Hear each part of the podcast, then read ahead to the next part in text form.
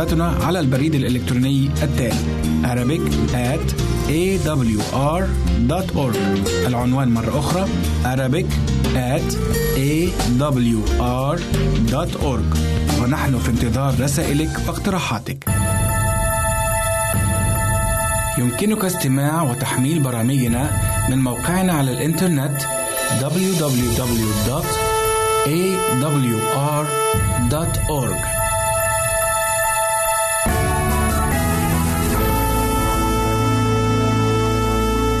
رحب فيكم بلقاء جديد من برنامج على رأي المثل. هالبرنامج اللي عودكم على طرح مشاكل عم بيعيشها مجتمعنا ومنشوف حلول لهالمشاكل تنعيش سوا بمجتمع أفضل.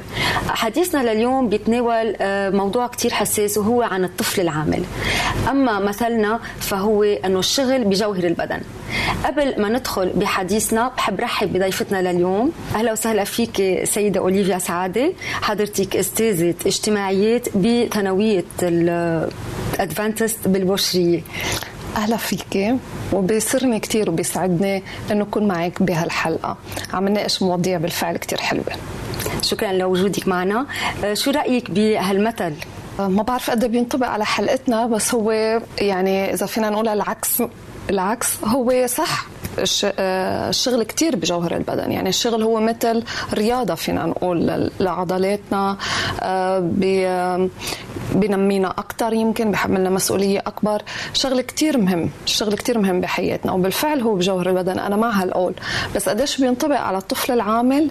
لا بحس هون في كتير آه، يعني بدنا نحكي بالناحية الثانية يمكن ما نستعمل مثل عكس أو أو شيء يعني نعم. مناقض للي عم نقوله. نعم. ومعنا تنتابع حديثنا لليوم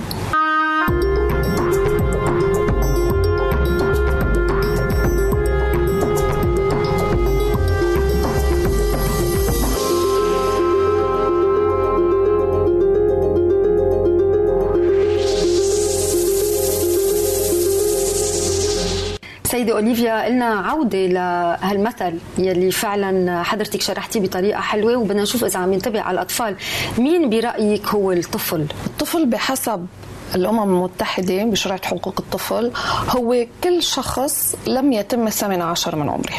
نعم. يعني المنظمة آه، العالمية آه، عرفته بهالشكل هذا وهو لا يجب ابدا استغلاله لا اقتصاديا ولا جسديا.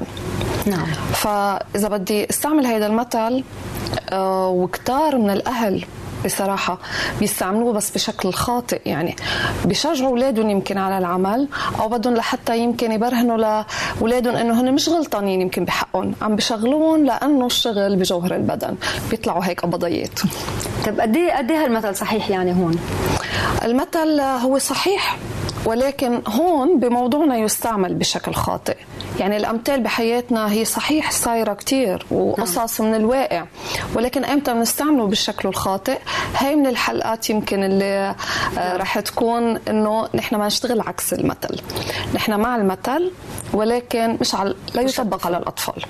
طب برأيك هالأطفال دون آه، سن 18 سنة ما لازم يشتغلوا ابدا؟ أو في عمل عن عمل بيختلف؟ أو في عمل صيفي فينا نقول إنه ممكن إنه هالشاب أو هالصبية يلي دون 18 سنة يقدروا يشتغلوا. هلا إذا نرجع للقانون كمان القانون بالاتفاقيات الثانية اللي إجت من بعد شرعة حقوق الإنسان فرقت بين سن يعني من الحد الأدنى نعم. لسن العمل اللي هو ليخلص الولد تعليمه الإلزامي نعم. 15 سنة. وبعدين الفئة الثانية هي بين ال 15 وال 18 نعم. هلا قبل ال 15 سنة دون ال 15 سنة حرام الولد يشتغل شغلة متعبة. هيدا النص اللي بيقول يمنع استغلاله اقتصاديا بأعمال مرهقة بأعمال مؤذية بأعمال ممكن تؤدي لضعف بالنمو أو لاعاقه معينة عنده. يعني ما بتتلائم مع جسمه. صح. ولكن بين ال 15 وال 18 سنة ممكن إنه الطفل بهالعمر اللي هو بعد ما أتم الثانوية العامة نعم. ممكن يشتغل شغلة صيفية غير مرهقة. نعم. يعني في أعمال محظرة على عمالة الأطفال. نعم. آه خلينا نتوقف سوا تنشوف بعض المقابلات وآراء الناس يلي أخذها فريق عملنا خلينا نسمعهم سوا. إنه أكيد لا. المبدأ بالحياة بيقول إنه الطفل في عنده شغلتين. أول شيء لحق ليشتغل. ضروري يلعب وضروري يبلش بالدرس. أكيد لا. أكيد لا مش بسن مبكرة. يعني مثلا بعمر عشر سنين و11 سنة حرام. حتى يضل مركز إنه يشتغل إنه يتعلم ويعمل مستقبله و أو يتقدم أو يقدر يعطي شيء أفضل لمجتمعه بعدين مفروض إنه يكفي علمه ويركز على هالقصص هيدي وبعدين يشتغل. هلا أنا أكيد ضد قبل ما ما يخلص دراسته بس بالأوضاع الاجتماعية والمادية يعني اللي اللي نحن فيها كثير أولاد عم بيضطروا يشتغلوا على بكير. هذا الشيء مش غلط طالما شغلهم على قد عمرهم يعني بكون تسلية لهم أكتر وك انكم يعني دخل عقدهم يريحهم ما يعوزوا كتير أهلهم لأنه الأهل كمان كتير عندهم مصاريف حاليا يعني وهيك. فهون إذا ما كان في حدا مسؤول عنه من عائلته أم أو بي ضروري يكون في جمعيات مسؤولة عن هذا الشيء. وإذا جمعيات ما عم تهتم أو في بعض الأشخاص ما عم بينعرف فيها ضروري وزارة الشؤون الاجتماعية هي اللي تاخذ هذا الشيء على عاتقها. وإذا ما كان في حدا عم بيهتم ضروري كمان الأشخاص اللي مرتاحين ماديا يوفروا هيك من 2.5% من ثروتهم لحتى يساعدوا غيرهم وبيمشي الحال أكيد. أكيد مش مع الطفل العامل. لأنه إذا اشتغل بعمر صغير شو ممكن يشتغل؟ أكثر شيء يعني شو؟ عند محل دواليب جارسون بمطعم آه، ببيع بالدكان انه شو بده يشتغل؟ هيدا شو متوقعين نحن بعدين يعمل لمجتمعنا أو يفيد مجتمعنا؟ يعني أكيد لا. هو الوضع الاقتصادي يعني بالبلد كتير مأثر على حياة الكل. يعني أيام الأهل ما بيكون بدهم مش راضيين أولادهم يشتغلوا بس الولد هو بيعمل كونتريبيوشن آه، يعني بيساعد إذا شيء كرمالته مثل يريحهم من ميلة يعني لأهله وهو يكون إنه منه منه كتير محتاج. يعني العمر ما عنده كتير مصروف ففيه يشتغل هيك حالة شغلة على قده تريحه لأله من وتريح أهله شوي من همهم يعني. مسؤولية الأهل كمان مسؤولية الدولة إنه كمان الدولة هاملة هالشي. هو الطفل ما لازم يضطر إنه يشتغل حتى نحن ما ضد الفكرة كلي كليا. ما بتخيل بعمر عشر سنين يعني هو بإرادته لازم هو ياخذ القرار يعني. بتخيل أهله هون هن اللي لازم يلعبوا دور.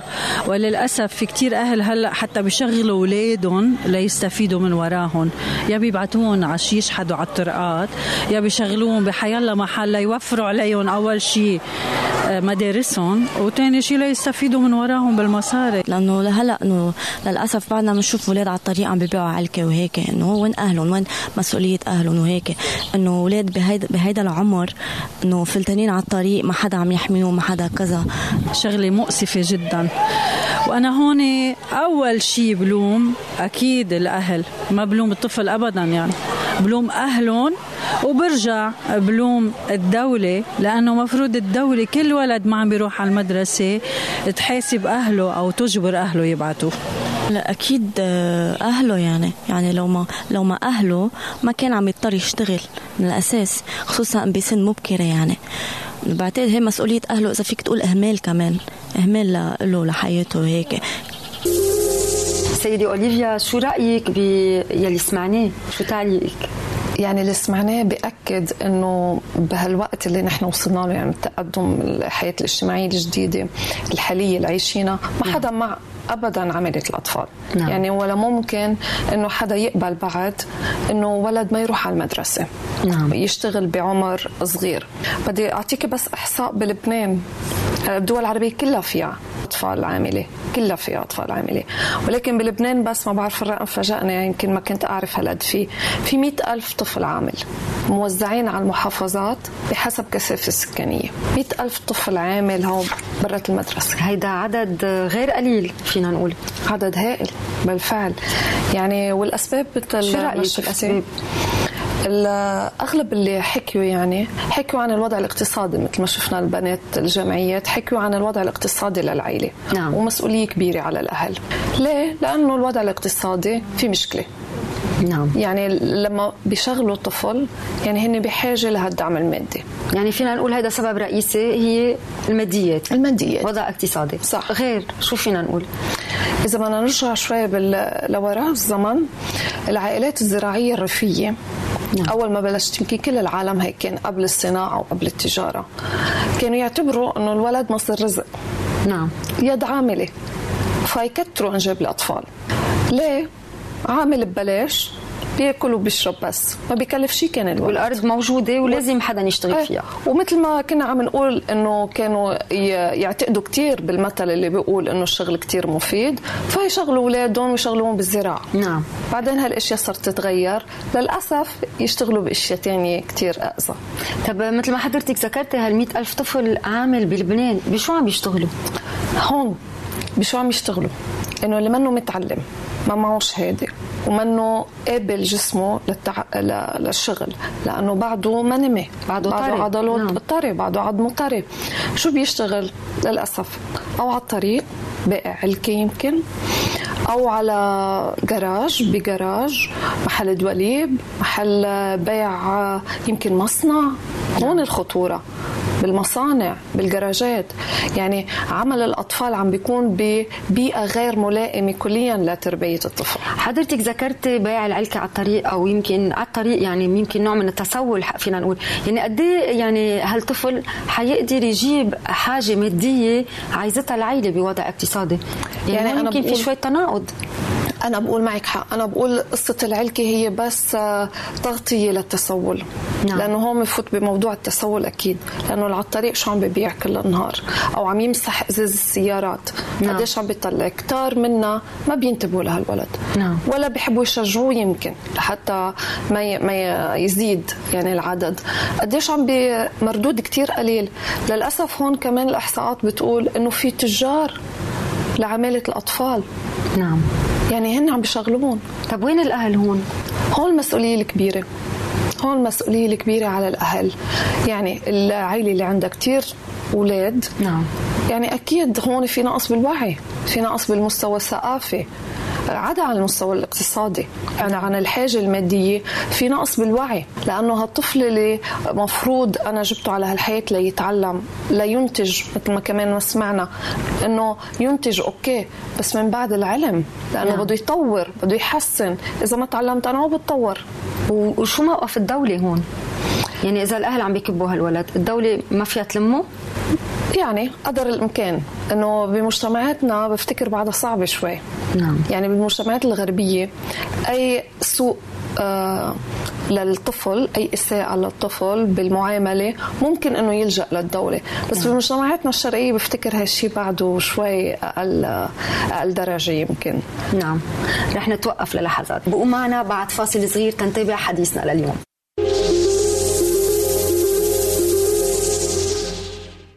عزيزي المستمع يمكنك مراسلتنا على البريد الإلكتروني التالي Arabic at awr.org العنوان مرة أخرى Arabic at awr.org ونحن في انتظار رسائلك واقتراحاتك. هنا إذاعة صوت الوعد.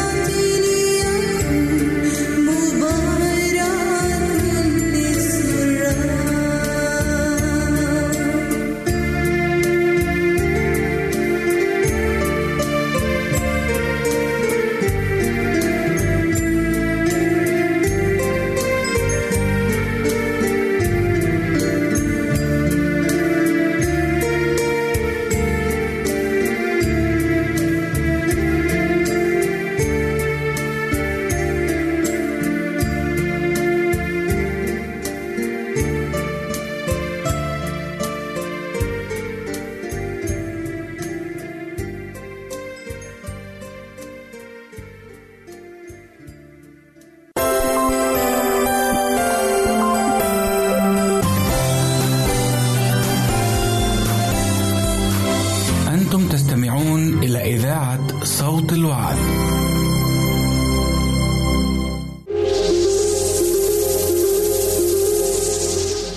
نرجع بعد هالفاصل تنتابع حديثنا لليوم عن الطفل العامل. بحب ذكركم بمثلنا لليوم يلي هو إنه الشغل بجوهر البدن. طبعا هيدا المثل صحيح بس ما بينطبق على أطفالنا. سيدة أوليفيا قبل الفاصل كنا عم نحكي عن الأسباب يلي بتدفع الطفل إلى العمل. ومثل ما بنعرف حضرتك كمان ذكرتي أنه في عمر مناسب أو تقريبا مناسب يلي هو بين ال 15 و 18 سنة ممكن أنه هالطفل آه، يروح يشتغل شيء يمكن مناسب لجسمه ولعمره. بس قبل هالسن يعني هون المسؤولية 100% على الأهل يلي الطفل يلي عمره 10 سنين طبعا مش هو آخذ المبادرة من حاله أنه يساعد أهله اقتصاديا. فشو كمان عنا سبب غير السبب الاقتصادي؟ السبب الاقتصادي هو بالدرجة الأولى. نعم. عنا بعدين تسرب المدرسة. نعم. ممكن كتير يكون نتيجته رحنا على الشغل. مش ماشي حاله بالمدرسة. والأهل هون بيأسوا بسرعة يمكن بعض الأهل. في بعض الأهل بيجربوا لا يتابعوا ابنهم أو بنتهم. في بعض الأهل بيقولوا خلاص مش نافع حطوا بشي جراج. سوري يعني بنسمعها كتير هيدي نعم. الكلمة. يلا مش نافع أخرتك بشي جراج. هون الولد وين عم بيروح؟ عم بيروح عند رب عمل. أقسى من أهله بعد. نعم. يعني المسؤولية إذا حملناها للأهل بالعمر الصغير رب العمل عم يقسى على هالولد بيقول لك يلا بدنا نعوده يطلع رجال. يعني عم بيستغلوا هون اقتصاديا. الاستغلال الاقتصادي هون يعني بالمعاش بالساعات الولد بهالعمر ما بيعرف الحقوق المدنية اللي له نعم. ما بيعرف قانون العمل شو بيقول قانون العمل بحذر العمل المرهق للأطفال وخاصة ما دون ال 15 سنة نعم. وبيسمح بالعمل الإيجابي مثل ما قلت بين ال 15 وال 18 شرط لا يسبب إعاقة أو بطء بالنمو أو أي مشكله للولد. نعم. نفسيا كانت أم جسديا نعم. نعم. شو في كمان أسباب؟ أسباب ممكن مثل ما قلنا آه، مهنة آه، مهنة الأهل أو المستوى الثقافي لهم الوعي عن أهمية العلم. هلا أنا بدي أعلم أولادي؟ ويطلعوا مثلا معهم شهادات يشتغلوا بشغل كتير مختلف. أو أنا بدي شغلهم مهنة متواضعة. يمكن حسب معرفتي أنا. نعم. منيحة لهم نعم. وبلشوا عن صغر في أهل كتير عندهم مؤسسات صناعية. نعم. أو عندهم محلات نعم. تجارية صغيرة. أو مثلا أشغال متواضعة. عدا الزراعة. في أشغال كتير صناعية متواضعة. أو حتى كبيرة. نعم. يمكن بفضلوا أنه ابنهم يشتغل معهم عن صغر بتصير. نعم. يعني مش من حقهم؟ لا أكيد مش من حقهم. لأنه التعليم إلزامي. هون الدولة فيها تساعد بمجانية التعليم الإلزامي نعم هيك إذا وضعهم الاقتصادي ما بيسمح نعم. بيقدروا أنه على القليل يخلص للشهادة للتعليم الأساسي لأن إحنا بالنسبة لنا شهادة التاسع البروفي نعم. وهيك آه، بيساعد شوي الأهل أنه شيء خفف عنهم إذا اقتصاديا هن مش قادرين وإذا عندهم الوعي المنخفض يعني إذا فينا نقول أو المتدني بالنسبة لأهمية الولد العامل هون كمان عندي التوعية يعني كتير مهمة. يعني نعم هالتوعية يعني مين أساسها؟ يعني فينا نقول التوعية بالمدارس التوعية من الدولة إرشادات على جهاز التلفزة. وين بده يجي؟ كيف بده يعرف هالشخص يلي هالقد بس بيعرف هالقد معرفته أنه لا ما لازم شيل ابني هلأ من المدرسة وخليه يعمل يعني يشتغل. يمكن مثل ما حضرتك قلتي التلفزيون يمكن وسائل الإعلام. لأنه يمكن إذا الأهل منهم متعلمين. ببيئة بعيدة شوي عن المستوى الثقافي نعم. معين. ممكن إنه آه، يشوفوا المجتمع قدامه شو عم بيصير. نعم. يعني حتى لو ما هن في كتير ناس مش متعلمين وعلموا أولادهم. نعم.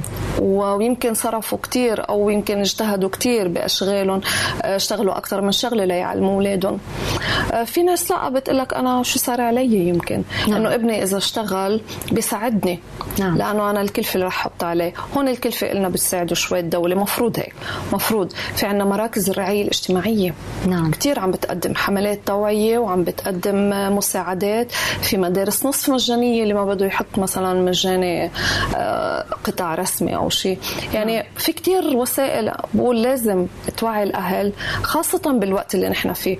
ما بفتكر بعد في ناس هالقد بعيدة عن المستوى الثقافي ومحبة العلم.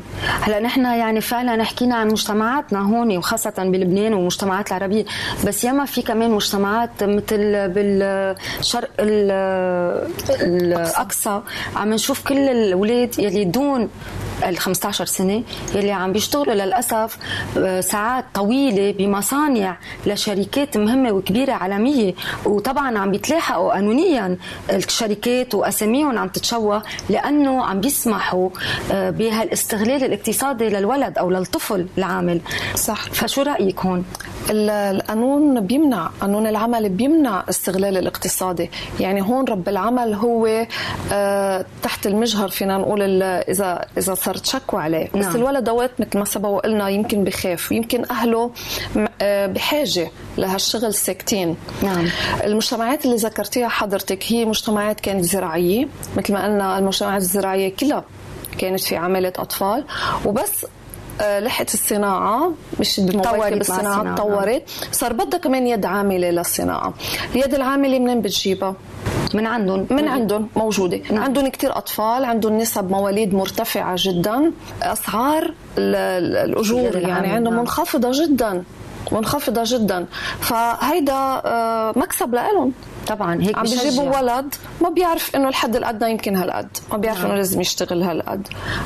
هيدي بتناسبهم. طب شو تاثير هالظاهره على المجتمع؟ يعني عكس. يعني إحنا عرفنا طبيعي. شو تأثيره إذا هالعمل عم بيرهقه جسديا أو نفسيا يمكن حتى للولد بس شو تأثيره على المجتمع؟ أكيد ارتفاع مستوى الأمية هي بالدرجة الأولى. نعم. عدم مواكبة التطور تكنولوجي تطور التكنولوجي بده علم. نعم. ما في أنا واكبه إذا أنا ما بعرف ما بعرف شيء يعني بالعلم. آه ارتفاع مستوى الأمية وارتفاع آه يعني تدني مستوى التكنولوجي ممكن يؤدي لهجرة لأنه ما بعود في فرص عمل. بتاخذ هالكم من طالبين فرص العمل. هيدا مع, مع كثير معقولة يؤدي لهجرة. هجرة مين؟ هجرة اللي تعلموا ما لقى ببلده هالكفايات. ليه؟ لأنه الغالبية العظمى بهيدي البلد ممكن إنه ما ما عندها هالكفايات لأنه ما تعلمت كثير ما أصحاب نعم. المصانع واصحاب المؤسسات كمان يمكن ما تعلموا قبل. نعم. يعني طبيعي إنه تصير.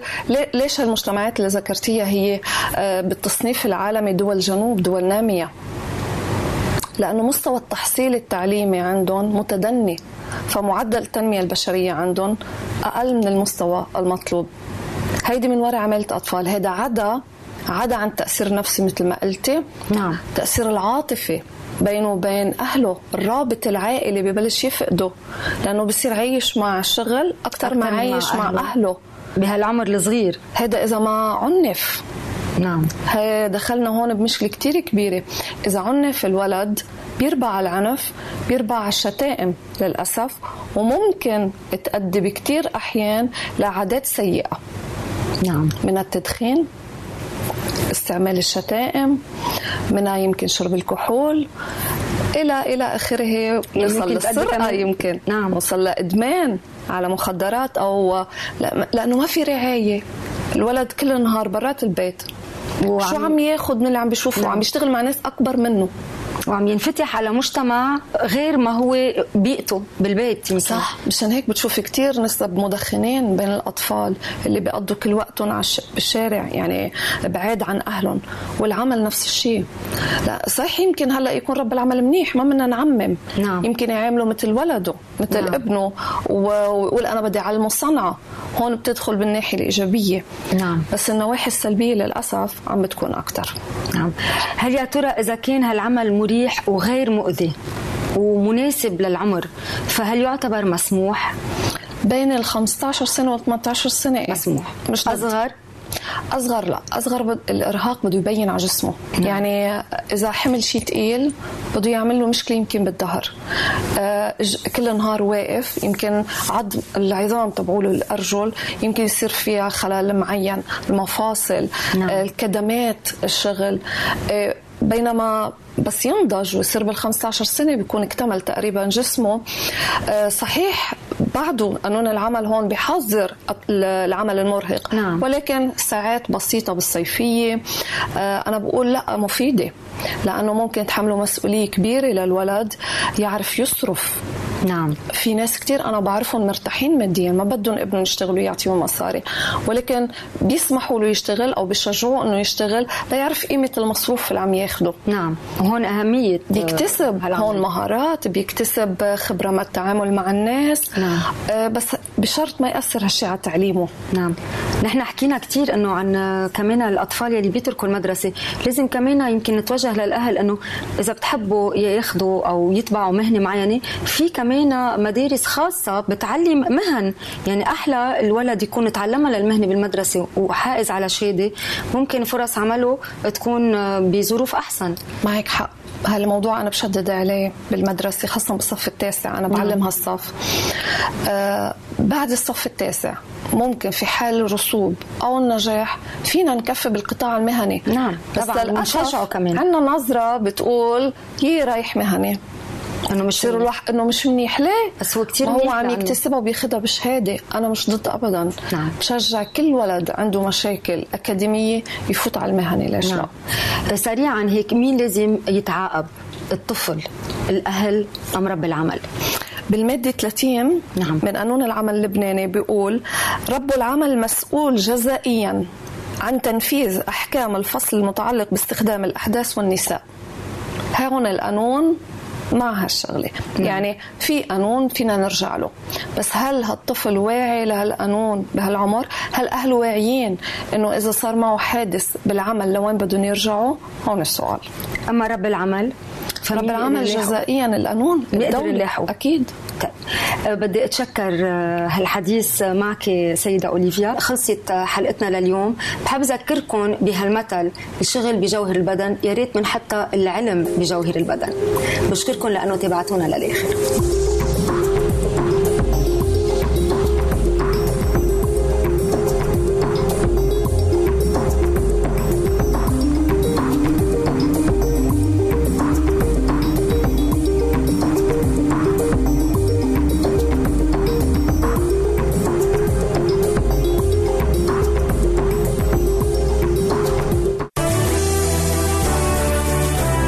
تستمع إذاعة صوت الوعد.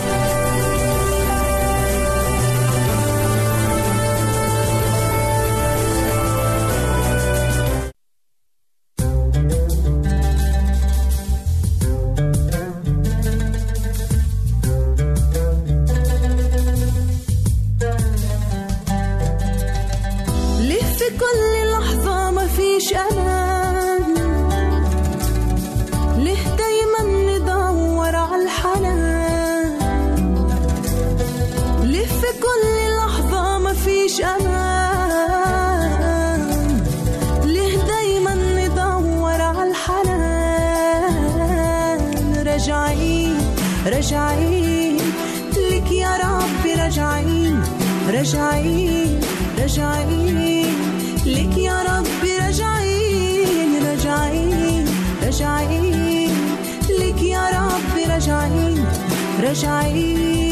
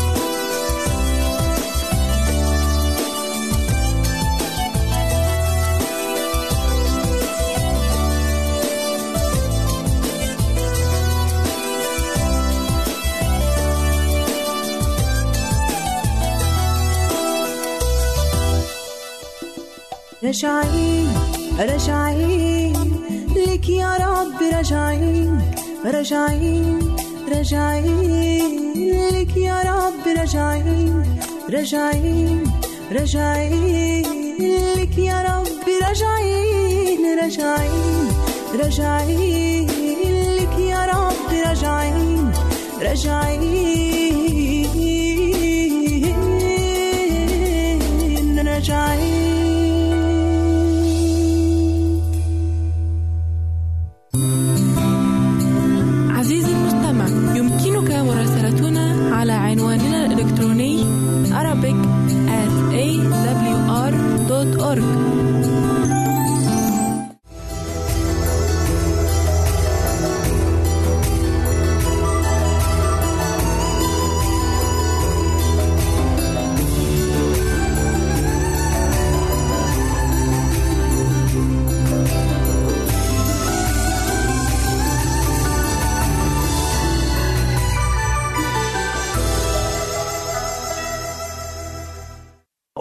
بك في يوم جديد. وما أروع يوم أحبائي. كل يوم ربنا بيشرق بنوره على حياتنا. ده دليل محبة الله ومراحم الله. لأن بيعطينا مراحم جديدة في كل صباح لكل المجد. تعالوا أحبائي نلتقي معا في هذا اليوم من مكتب الراعي. تعالوا نجلس عند قدمي راعي نفوسنا واسقفها شخص ربنا يسوع المسيح لكل المجد في حلقة جديدة من مكتب الراعي. صديقي تحدثت معك في الحلقات الماضية عن آه، ثمار الحياة الجديدة ووقفنا عند ثمرة الاقتراب إلى عرشه وما أروع نقترب من عرش الله. وتكلمت اقترابنا إلى عرش الله أحبائي اقتراب ممتلئ بهذه الثقة ممتلئ آه، بهذه الجسارة أن إحنا نقترب إلى أبونا اللي بيحبنا أبونا اللي صرنا إحنا أولاده ونقترب آه، طالبين حسب مشيئته. واتكلمت معاك في نفس المستوى الرائع اللي اتكلم بيه رسول بولس الإخوة في فيليبي وقال لهم لا تهتموا بشيء بل في كل شيء بالصلاة والدعاء مع الشكر لتعلم طلباتكم لدى الله وسلام الله الذي يفوق كل عقل يحفظ قلوبكم وأفكاركم في المسيح يسوع. واتكلمت عن الدعاء وأهمية الطلب وإزاي نطلب وإزاي نقدر نخضع إلى فكر الله وطريق الله لأنه طرقه أعلى من طرقنا أفكاره أعلى من أفكارنا. هو اللي عارف الشيء الصح لينا. ممكن يستجيب في الحال ممكن يتأنى ويستجيب بعد وقت. وممكن الرب يقول الاستجابة تختلف عن توقعاتك والرب ممكن يعمل شيء يختلف عن توقعاتنا. بس بيدينا قوة وبيدينا نعمة تسندنا عندما يستجيب بطريقة ليست حسب توقعاتنا صديقي المشاهد الكريم تعال نشوف المشهد الثالث في هذه السلطة الروحية. تكلمت عن هذه السلد أو السلطة الروحية. هي تتكون من التسبيح تتكون من الدعاء والجانب الثالث لهذه ال- ال- ال- التركيبة الروحية العظيمة هي الشكر. الصلاة والدعاء مع الشكر. وعايز أكلمك شوية عن الشكر. وقد إيه مهم أحبائي إن إحنا نتعلم حياة الشكر؟ مرات كتير قوي بنعمل زي الأطفال اللي بيجروا على آبائهم ويقول له بابا أنا محتاج منك الحاجة الفلانية بابا هات لي اللعبة الفلانية. بمجرد ما بابا يجيب اللعبة الفلانية هو بياخد اللعبة ويجري. وبينسى حتى يقول لبابا شكرا. الرب يسوع لكل المجد شاف عشرة برص. والعشرة كانوا في حالة مريرة من المرض. وهيجي وقت صديق المستمع أكلمك عن البرص ومشاكل البرص وكيف يشير إلى الخطية وهؤلاء المساكين ال- المطروحين خارج إطار المدينة اللي كانوا بصراخ بيقولوا إن إحنا مليانين بالنجاسة اللي ما حدش يقدر يقرب منهم. اقترب منهم الرب يسوع لكل المجد وقال لهم أنا أمرت بالشفاء وروحوا وروا نفسيكم للكاهن وهاتوا دليل شفائكم أحبائي العشرة مشيوا لكن للأسف الشديد واحد بس رجع من العشرة. رجع علشان يقول للرب يسوع شكرا. وقد إيه أحبائي قلبي بيمتلي بالإنك بال بال بال بال بالانكسار وبالحزن حتى من نفسي مرات كثيره الله يستجيب لأشياء كثيرة في حياتي وأنا بنسى أقول له يا رب شكرا. الرب سأل هذا السؤال. أليس العشرة قد برئوا؟ فأين التسعة؟ شيء مؤلم أحبائي لما يكون واحد من عشرة جاي يقول للرب شكرا. صديقي أنا مش هكلمك النهارده عن الشكر لأن الرب استجاب. لكن هقول لك النهارده إزاي تشكر ربنا في وسط بعد ما تسبحه وتطلب منه حتى قبل الاستجابة تقول للرب شكرا. صديقي النهارده أنا هقول لك شيء جميل قوي قوي في كلمة الله. في سفر صمائيل الأول في الأصحاح الأولاني امرأة مسكينة امرأة كانت عندها طلبة من الله. امرأة كانت عاقر ما كانش عندها أولاد وجت قدام الله وبكت قدامه وطلبت الرب اللي هي حنة أحبائي امرأة ألقانا أم صمائيل. وحنا ابتدت تصرخ قدام الله وتطلب منه لدرجة أنه علي الكاين فكر المرأة في هذه الحالة هي سكرة يعني شرب خمر وسكرانة.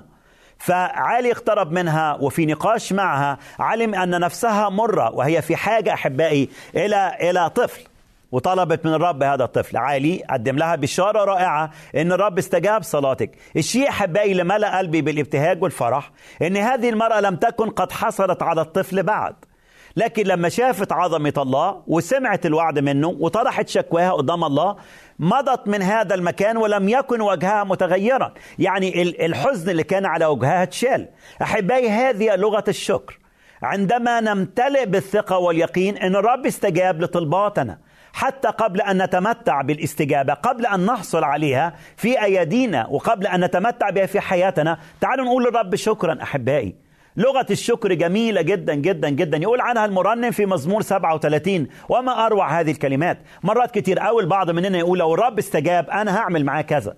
لو الرب سمع طلباتي أنا هعمل معاه كذا.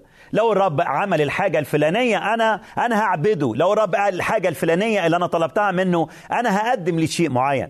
الرب بيقول لك النهاردة أنت عكست الدنيا كلها. المرنم يقول هذا الكلام الجميل في مزمور 37 أحبائي في عدد أربعة. يقول وتلذذ بالرب فيعطيك سؤل قلبك قبل ما يديلك سؤل قلبك تلذذ بالرب. أشكر الرب قبل الاستجابة. أشكر الرب وقول له يا رب أنا بشكرك لأني عارف أنك إله صالح ولما نتمتع أحبائي بحياة الشكر بنتمتع بالاستجابة. مرات كتير قوي بن بن بن بن بن بن بنتلذذ بالرب بعد ما يستجيب. لكن المرنم قال ابدا علشان أقدر أتمتع بهذه الاستجابة لازم أبدأ مع الرب بحياة الشكر. خليني أقول لك حدث جميل قوي قوي موجود في سفر الأخبار أخبار الأيام الثانية في الأصحاح 20 الكتاب يتكلم عن مؤمن رائع مؤمن من المؤمنين الحلوين قوي قوي قوي اسمه يهوشافاط. يهوشافاط هذا الملك اللي اللي أحب الرب من قلبه الملك اللي كان دايما يسأل فكر الرب ويطلب الرب. وإن كان يهوشافاط عمل بعض الأشياء اللي اللي ما كانتش متظبطة لما صاهر أخاب واشترك مع أخاب في حروب وكان تقريبا حياته هتنتهي لولا معونة الله حب يهوشافاط إنسان ومر بالإنسانية ومرات بنقع ومرات بنقوم ومرات بنسقط لكن يهوشافاط مازال مليان بالثقة واليقين في الله. اسمع اللي حصل مع يهوشافاط في الأصحاح العشرين من أخبار الأيام الثانية يقول الكتاب عن هذا المشهد أنه يهوشافاط بعد ما رجع لبلده حدث شيء مريع في حياته. خلينا نقرأ الكلام ده مع بعض لأنه بيطبق الكلام الجميل اللي إحنا اتكلمنا فيه مع بعض. في هذا المشهد المتعب يقول الكتاب ثم بعد ذلك أتى بنو مؤاب وبنو عمون ومعهم العمونيين على يهوشافاط للمحاربة. يعني خلي بالك جيش مريع جاي على يهوشافاط. بنو مؤاب بنو عمون وكل العمونيين معهم أتوا لمحاربة يهوشافاط. يهوشافاط ما كانش هو الإنسان اللي, اللي عنده إمكانيات حربية وإمكانيات عسكرية يقدر يواجه هذا الجيش الكبير. اللي عمل يهوشافاط تمم الكلام اللي قاله الرسول بولس في فيليب أربعة أحبائي وابتدى يعمل بالضبط نفس الخطوات. لا تهتموا بشيء لا تهتم يا هوشافاط بهذا الجيش الجرار اللي جاي عليك. طب أعمل إيه يا رب؟ قال له بالصلاة أي بالتسبيح والدعاء مع الشكر. لتعلم طلباتكم لدى الله. شوف الكلام الجميل اللي عمله يهوشافاط يهوشافاط لما شاف هذا المشهد ابتدى يتكلم مع الله ويقول له إيه؟ ما أروع هذه الكلمات أحبائي. فوقف يهوشافاط الكلام ده موجود في عدد خمسة أخبار الأيام الثانية. فوقف يهوشافاط في جماعة يهوذا وأورشليم في بيت الرب أمام الدار الجديدة وقال يا رب إله أبائنا شوفوا أحبائي هذه الصلاة اللي هو التسبيح تعظيم الله. يا رب إله أبائنا أما أنت هو الله في السماء وأنت المتسلط على جميع الممالك ممالك الأمم وبيدك قوة وجبروت وليس من يقف معك. أحبائي هو ده التسبيح. إن أنا بشوف عظمة الله قوة الله سلطان الله. بعد كده يهوشافاط ابتدى يطلب منه بعد ما عرف إنه الله العظيم ده هو السيد. ابتدى يقول له في عدد عشرة والآن ده الطلب يا أحبائي والآن هو ذا بنو عمون ومؤاب. وجبل سعير الذين لم تدع إسرائيل يدخلون إليهم حين جاءوا من أرض مصر بل مالوا عنهم ولم يهلكوهم. فهوذا هم يكافئوننا بمجيهم لطردنا من ملكك الذي ملكتنا إياه. يا إلهنا أما تقضي عليهم؟ لأنه ليس فينا قوة أمام هذا الجمهور الكثير. الآتي علينا ونحن لسنا لا نعلم ماذا نعمل ولكن نحوك أعيننا. أحبائي هو ده الطلب. رأي أن إحنا نطلب من ربنا بعد ما شفنا عظمة الله. لكن شوف الجمال اللي جاي. شوف الروعة اللي جاية. يهوشافاط أحبائي عاش هذه الخلطة الجميلة السلطة الروحية. ابتدى يعظم الله وبعدين طلب من الله. أحبائي الحرب لسه مستمرة. يهوشافاط إزاي يعمل؟ وإيه. الطريق اللي قدامه. شوفوا الجمال اللي عمله يهوشافاط. يهوشافاط امتلأ بالشكر. ابتدى يقول للناس إيه؟ اسمع الكلام الجميل الموجود في عدد 15 فقال اصغوا يا جميع بني يهوذا وأورشليم. وأيها الملك ده الكلام ده كان بيقوله يحزئيل ابن زكريا. وأيها الملك يهوشافاط هكذا قال الرب لكم لا تخافوا ولا ترتاعوا بسبب هذا الجمهور الكثير لأن الحرب ليست لكم بل الله وبعدين عمل إيه الشعب. اسمعوا الكلام الرائع حباي. هي دي حياة الشكر. قفوا اثبتوا وانظروا خلاص الرب معكم. يا يهوذا وأورشليم لا تخافوا ولا ترتاعوا. شفتوا الجمال يا حبة؟ إنه بني يهوذا مع كل الجيش يهوشافاط مع كل اللي معاه كل اللي عملوه إنهم وقفوا للتسبيح وقفوا علشان يشكروا الرب. الحرب لم تكن قد بدأت بعد أحبائي. الحرب لسه مستمرة. الحرب لسه ما دخلش فيها يهوشافاط. لكن الجمال إنهم شكروا الرب قبل الحرب ما تبدأ. شكروا الرب لأنه الرب سمع صلاتهم شكروا الرب لأنهم سبحوا الرب شكروا الرب لأنه الله عظيم يعلم ما نسأل وعارف اللي جوه قلبنا قبل ما نطلبه. عارفين كويس جدا إن الله القدير العظيم يعطي أكثر جدا مما نطلب أو نفتكر. أحبائي اللي حصل إنه وبكروا صباحا الكلام ده موجود في عدد عشرين. وبكروا صباحا وخرجوا إلى برية تقوى وعند خروجهم وقف يهوشافاط وقال ما أروع هذه الكلمات؟ وقال اسمعوا يهوذا وسكان أورشليم آمنوا بالرب إلهكم فتأمنوا آمنوا بأنبيائه فتفلحوا. وابتدى يتكلم هذا ال ال ال ال ال ال الشيء اللي مليان بالشكر والتسبيح لربنا. والله حارب حروبهم والرب اداهم الانتصار. بس قبل ما يدخلوا جوه الحرب شكر ربنا. أنا عايزك تشكر ربنا إذا كنت طلبت منه شيء ولسه الرب لم يستجيب بعد. أنا عايزك تاخد فكرة جديدة عن الشكر. احبائي الكتاب يقول تلذذ بالرب فيعطيك سؤال قلبك. قول له يا رب أنا بتلذذ بيك النهارده. يا رب قبل المشكلة ما تتحل أنا بتلذذ بيك. أنا بشكرك. بعيش الخلطة الجميلة دي. بعيش هذه الخلطة الرائعة. هذه الخلطة اللي بتقول بالصلاة والدعاء مع الشكر. لتعلم طلباتكم لدى الله. أنا بتركك في رعاية الله. هشوفك في الحلقة اللي جاية. بس من فضلك كلمنا. اتصل بينا لو تحب تقابلني. من فضلك ممكن نعمل ميعاد ونتقابل مع بعض في مكتب الراعي والرب معك. وتخيل إنه الله يبعت حارس صديقي وهذا الحارس يحيط حوالين أمرين أو مكانين في غاية الأهمية في حياتك. اللي بيعمل حراسة مش وعود من الناس ليك. اللي بيعمل حراسة مش مركز أنت حصلت عليه. اللي بيعمل حراسة مش أرصدة في البنك. ليه الله بيحمي قلوبنا؟ وليه الله بيحمي أذهاننا. وكتير قوي قوي من الأمهات أنا هكلمهم بالكلام ده بيبقوا قلبهم بيدق دقات سريعة لما البنت تتأخر بره شوية أو تتأخر في الجامعة شوية. وكنت شايل سوزي بنتي في إيدي. وأنا حاضن سوزي وماشي وهجم عليا كلب في هذه القرية اللي رحنا علشان نخدم فيها.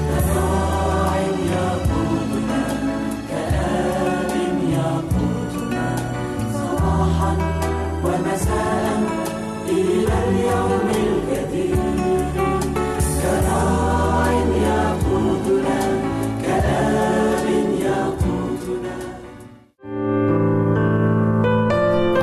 المستمع.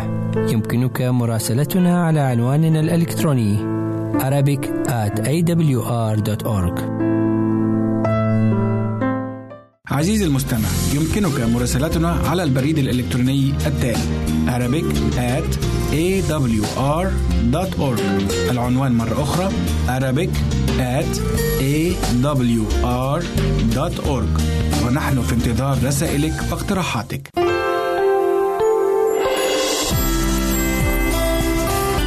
هنا إذاعة صوت الوعد. لكي يكون الوعد من نصيبك.